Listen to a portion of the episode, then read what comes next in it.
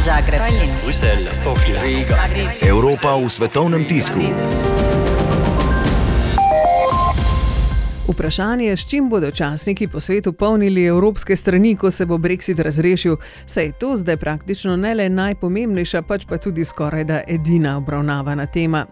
Tako seveda Guardian piše o tem, da je po mnenju britanske premijejke Therese May najboljša rešitev izstop iz Evropske unije z dogovorom, zaradi česar bo Velika Britanija zaprosila za nadaljno preložitev Brexita, trenutno predvidenega za 12. april.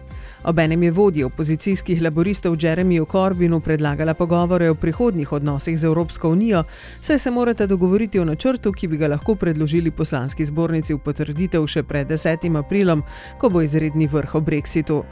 Španski El País se pa tokrat posveča temu, da ima na drugi strani počasi razprav dovolj tudi Evropa, čeprav je predsednik Evropskega sveta Donald Tusk pozval k potrpežljivosti. Tako Macron v nasprotju z Merklovo pravi, da se čas izteka in da je po neodločnosti britanskega parlamenta odhod iz povezave brez porazuma vedno bolj verjeten. O tem piše tudi francoski Le Monde, ki pa razpravlja tudi o tem, da bodo v vsakem primeru po Brexitu imela veliko težav evropska podjetja, ki bodo ostala v Veliki Britaniji. Tako se mnoga že zdaj odločajo za selitev svojih podružnic nazaj na evropska tla, mnoga pa samo ugibajo, kaj bo to prineslo za njihovo poslovanje na otoku. Nemški Frankfurter Allgemeine Zeitung opozarja, da bodo zaradi brexita ostali prikrajšani tudi prebivalci vzhodnih nemških regij. Saj se bo podpora državam, ki so spadala v nekdanjo vzhodno Nemčijo, zmanjšala celo za do 60 odstotkov.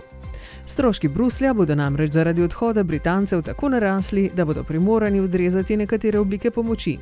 Zdaj se bojijo, da bo razvitost te regije zato še bolj padla. The New York Times pa se danes ukvarja s tem, kaj bi se zgodilo v primeru najmanj želenega scenarija - odhoda Velike Britanije iz povezave brez porazuma. Dolge vrste na mejnem območju ob kanalu s Kalejem. Tovorni promet zna blokirati tudi vse cestne prehode.